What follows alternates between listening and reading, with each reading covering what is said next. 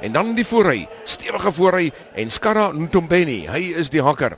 Skara Ntombeni is een van die opwindendste jong hakkers in Suid-Afrikaanse rugby. Er is hier met hom en sy ma gesels om te hoor hoe hy as kind was en wie Skara die rugby speler is. My ma was baie belangrik in my karier en toe ek by die skool was want sy het my altyd geback en sy was het altyd met sy vriende gepraat oor my en ek het altyd geweet dat sy het my back gehad.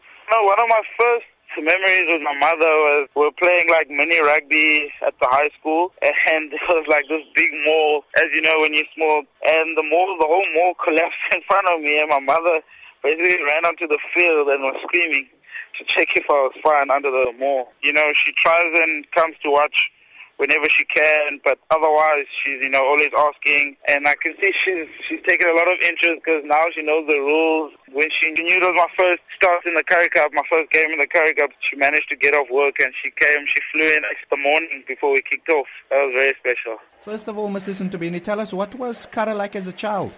Kara was hyperactive, you know, up until he went to school and he was very busy. And from early ages, you know, he always had something to do. You couldn't find Kara doing nothing. And he had a lot of friends and they all wanted him to go to their places. Most of the time he would hide because he wanted to stay with his family. When did you first realize he's got talent as a rugby player? He went to school at grade junior. Then he started rugby while he was doing grade one. But when he was playing for under 12, he became a captain. That's when I realized that there's a potential in this child, and it didn't stop. Then he proceeded to Dale College. That's when he played for first team while he was doing grade 10. But he was still young compared to the age of other team players. So he identified the potential while he was still in Dale Junior. And What is some of your favorite highlights of him as a child? You know, while he was playing the other thing that I've forgotten is that he played all the sport codes. You know, he was playing cricket, playing hockey, playing water polo and rugby.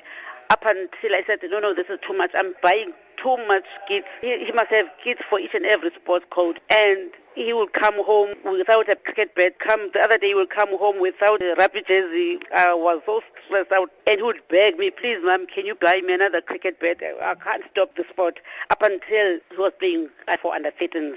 Then that's when he decided that he will focus on rugby. Since he's turned professional, are you very proud of um, achievements that he's achieved in his career?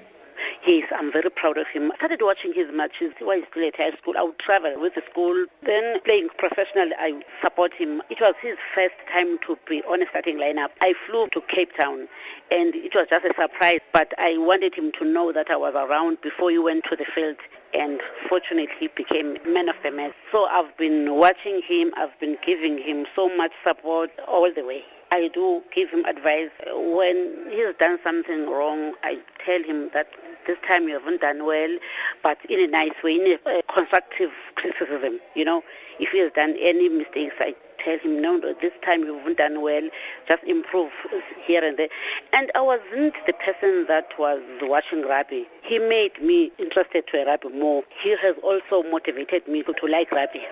How do you think rugby has impacted on his life? You know, he loves rugby. The rugby has helped me a lot in terms of discipline.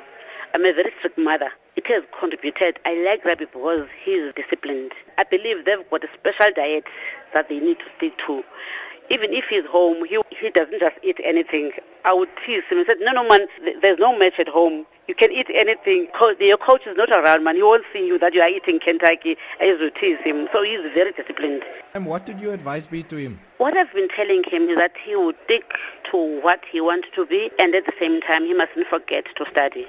And then who's your favorite team? Western Province, of course.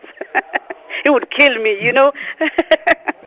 Nou kan die WP ingooi op die 10 meterste plein van die Vrystaat. Skaran Tobeni. Hy het die bal hoog bo die kop, dan luister hy weer daar na die tekens. Hierdie keer voor gegooi in die lyn staan en opgetel dan Tobeni. Speel aan die binnekant toe hulle vorder tot binne in die kwartgebied van die Vrystaat. Weer tel Tobeni op. Hy's hy's op die 10 meterste plein op die halflyn. Hy's op die 10 meterste plein. Hulle jaag hom, hulle gaan hom vang. Hy's op die kwartlyn. Hy hardloop dwars daar aan die oorkant toe nie. Hy gaan dit maak en hy duik oor